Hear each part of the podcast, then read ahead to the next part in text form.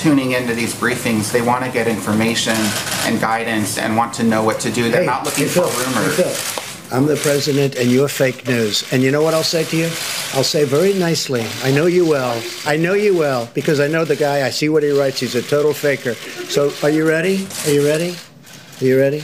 It's morning It's again just a suggestion from a morning, brilliant lad. folks. by a very, very smart. Come on, let's go. Let's go get some coffee. Thank you very much. Det er fredag 24. april. Arbeidsledigheten stiger videre. Delstatene sliter økonomisk, og målkaffen er servert.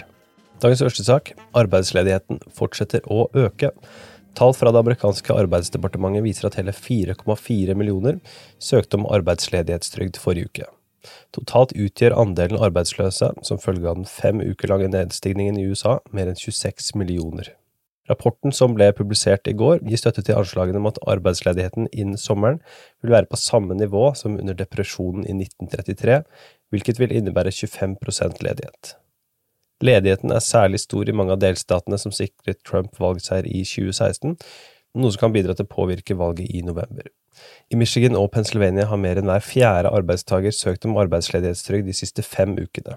I Ohio er arbeidsledigheten nå på over 17 Noe av forklaringen på økningen er at mange delstater har hatt utfordringer knyttet til behandling av søknader om stønader. Flere delstater har imidlertid nå fått på plass systemer for å håndtere dette, og dette har bidratt til at søknader fra disse arbeidstakerne nå blir en del av ledighetsstatistikken. Det forventes at disse tallene vil øke i tiden framover, i takt med at flere får mulighet til å søke om trygd. Finansminister Steven Mnuchin uttalte i går at nødlånet som Kongressen vedtok i mars, på 350 milliarder dollar, som var øremerket til småbedrifter, har reddet mer enn 30 millioner arbeidsplasser, altså ifølge Mnuchin og Trump-administrasjonen.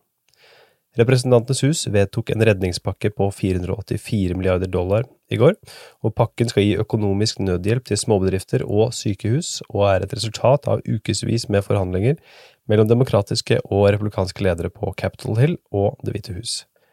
Den inneholdt imidlertid ingenting for delstatene. Det leder oss til dagens andre sak.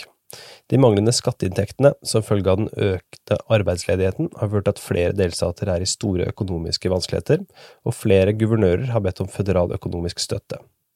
Dette er et forslag majoritetsleder i Senatet, Mitch McConnell, har vært lunken til, og i stedet for å gi føderal bistand så antydet han at et alternativ kan være at delstatene erklærer seg konkurs. McConnell tok det ett steg lenger i en pressemelding ved å si at han var imot såkalte Blue State bailouts, som om det kun er demokratisk ledede deltater det her er snakk om. Forslaget fra McConnell møter naturligvis sterk eh, motstand, blant annet hos New York-guvernør Andrew Cuomo, men også fra Maryland-guvernør Larry Hogan, en republikaner. uh, we we could be in a, a terrible financial situation. I heard some comment about this is bailout for blue states or something to that effect.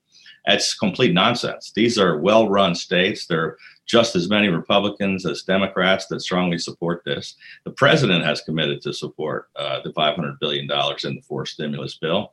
There's a bipartisan bill in the Senate, um, and uh, with Republicans and Democrats already signed on board. And I'm hopeful uh, that we're going to be able to between the administration and the 55 governors in America, including the territories, we're going to convince uh, Senator McConnell that uh, maybe he shouldn't let all the states go bankrupt. Dagens tredje sak. Joe Biden leder på målinger i viktige vippestater. Demokratenes uh, sannsynlige presidentkandidat, han har jo ikke formelt blitt erklært det enda, ligger godt an på nye meningsmålinger gjennomført av Fox News i de viktige delstatene Michigan og Pennsylvania. Nær halvparten av de registrerte velgerne i Michigan-målingen oppgir at de støttet Biden, mens 41% støttet Trump. Tendensen er den samme i Pennsylvania, der Biden har en ledelse på 8 prosentpoeng. Halvparten av de registrerte velgerne i Pennsylvania oppgir at de ville stemme på Biden i november, mens 42% støtter Trump. I en meningsmåling i Florida fra Quinnipiac University så leder Biden marginalt med 4 prosentpoeng, og er så vidt utenfor feilmarginen i målingen. Til slutt i dag, det republikanske delstatskonventet i Utah, og her blir vi nerdete. Det gjør vi jo gjerne på amerikanskpolitikk.no. Jon Henrik Gilhus, vår valganalytiker, har publisert en analyse av lørdagens republikanske nominasjonsvalg i Utah, som skal nominere kandidater til primærvalget i juni. Lørdag skal det altså da nomineres kandidater til en rekke verv, og Utah er en av USAs mest konservative delstater, og har hatt republikanske guvernører de siste ti årene. Blant kandidatene som stiller som guvernørkandidat, finner vi tidligere ambassadør til Kina under Obama, John Huntsman, som også da stilte som presidentkandidat i 2012, og dagens viseguvernør Spencer Cox. Videre kan du lese alt om det brede feltet av kandidater til setene i de første og fjerde kongressdistriktene. Og Dersom du ønsker å støtte arbeidet vi gjør på amerikanskpolitikk.no, så kan du ta turen til patron.com ampol. Der kan du da få tilgang til lørdagsutgaven av Morgenkaffen, der skal oppsummere uka som har gått. I tillegg skal du få din egen kopp sendt i posten. Uansett, dagens eh, utgave og ukas siste utgave av Morgenkaffen er servert av Vilde Ørnung og undertegnede Are Togoflaten. Du leser mer på amerikanskpolitikk.no, og så snakkes vi på mandag.